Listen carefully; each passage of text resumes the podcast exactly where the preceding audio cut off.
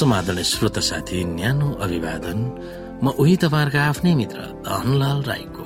श्रोता आज म तपाईँको बीचमा बाइबल सन्देश लिएर आएको छु। आजको बाइबल सन्देशको शीर्षक रहेको छ चेला वा यसु भक्तहरू बनाउने मिसन वा लक्ष्यको केन्द्रबिन्दु।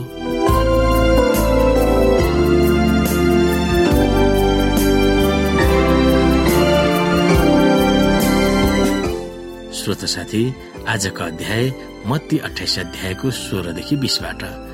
यो मत्ती अठाइस अध्यायको सोह्रदेखि बिसमा चेलापनको के तत्वहरूलाई हामीले पहिचान गर्न सक्छौ? हामी यहाँ अलिकति अगाडि बढेर सोह्रदेखि हेर्न सक्छौ। ती एघारैजना चेलाहरू गालिलको तीस डाँडामा गए जहाँ यसुले तिनीहरूलाई जाने आदेश दिनुभएको थियो। तिनीहरूले उहाँलाई देखेर दण्डवट गरे तर कतिले चाहिँ शङ्का पनि गरे। तब यसो तिनीहरू कहाँ आएर भन्नुभयो स्वर्ग र पृथ्वीमा समस्त अधिकार मलाई दिएको छ। यसकारण जाऊ र सबै देशका जातिहरूलाई चेला बनाऊ। पिता र पुत्र पवित्र आत्माको नाउँमा तिनीहरूलाई बत्तिसमा देऊ। मैले तिमीहरूलाई आज्ञा गरेका सबै कुरा पालना गर्न तिनीहरूलाई सिकाओ। हेर म युगको अन्त्यसम्म सधैँ तिमीहरूको साथमा छु। श्रोत साथी यसुका शिक्षित चेलाहरू वा बाइबलीय ज्ञान भएका चेलाहरूलाई मत्ती अठाइस अध्यायको सोह्रदेखि बिसमा आदेश दिनुभएको कुरा हामीले हेर्यौं त्यसलाई महान आदेश भन्ने नाउँले प्रचलित छ। उहाँका चेलाहरूलाई अघि बढेर उहाँका चेला वा भक्तहरू बनाउन उहाँले निर्देशन दिनुभएको थियो।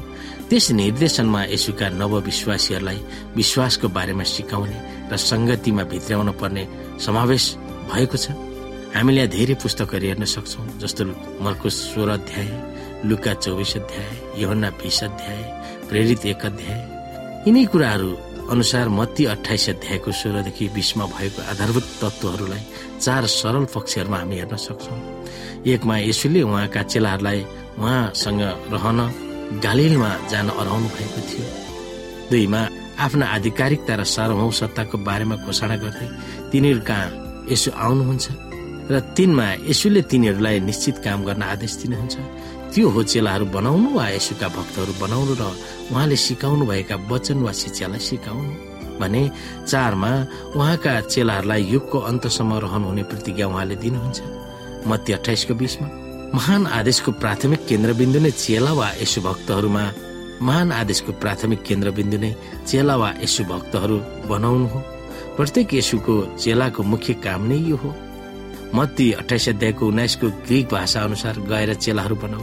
यसकारण भन्नुको अर्थ यसुले प्रस्तुत गर्नुभएका आदेशको जग हो। जब यसो पुनरुत्थान हुनु भएर विजय प्राप्त गर्नुभयो तब शक्ति अधिकार र सार्वभौम सत्ता उहाँको हुन गएको थियो। चेला बनाऊ भन्ने क्रियापदले यसुको आदेशलाई जोड दिँदछ। यसलाई महत्वपूर्ण हामीले मान्नु पर्दछ सबैलाई सिकाउँदै बत्तिसमा दिँदै र सारा संसारलाई यसुको शिक्षा दीक्षा बाँड्नु चेला बनाउने स्वभाव र प्रक्रिया हो। यहाँ यसुले एउटा स्पष्ट निर्देशन चेलाहरूलाई दिनुभएको थियो। चेलाहरू यसु भक्तहरू बनाउनु बाइबलमा भएका सबै अंशहरूमा यो मिसन वा लक्ष्य सबभन्दा महान छ। आफ्ना भक्तहरूको साथमा निरन्तर रूपमा रहने प्रतिज्ञाबाट त्यो आदेश अन्त भएको छ। निसन्देह त्यो महान आदेश केवल पहिला जम्मा भएका चेलाहरूलाई मात्र थिएन। तिनीहरू सारा राष्ट्रहरूमा जाने सम्भव थिएन। एघारजना चेलाहरू पृथ्वीका सबै देशहरूमा गएर प्रचार गर्ने र चेला बनाउने सम्भव थिएन। त्यसकारण त्यो आदेश विश्वव्यापी हो।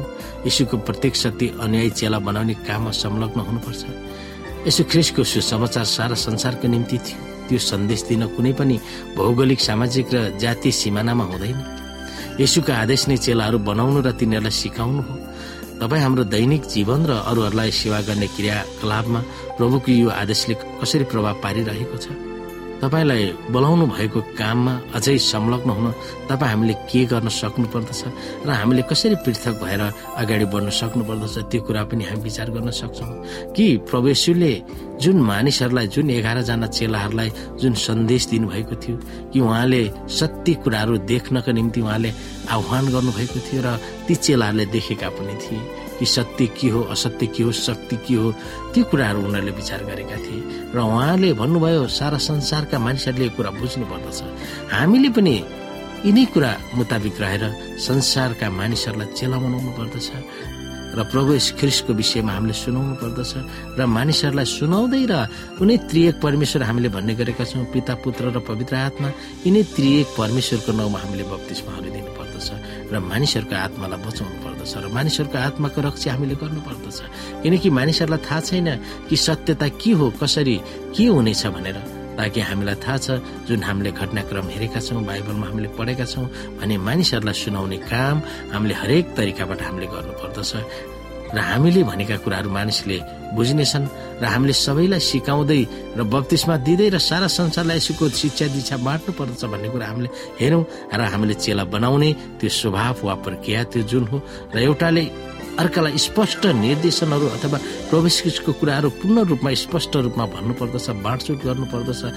मानिसहरूले बुझ्नेछन् र यसो भक्त हुनेछन् भन्ने कुरामा हामी अगाडि बढ्नु पर्दछ यो नै हाम्रो मिसन वा लक्ष्यको सबभन्दा महान काम हो।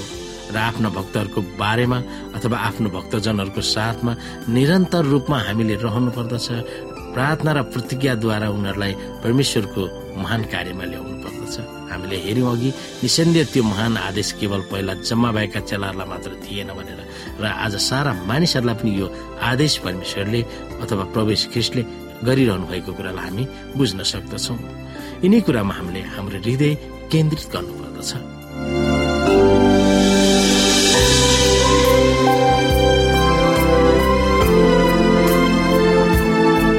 श्रोत साथी आजको लागि बाइबल सन्देश यति नै। हस्त नमस्ते। जय मसिंह।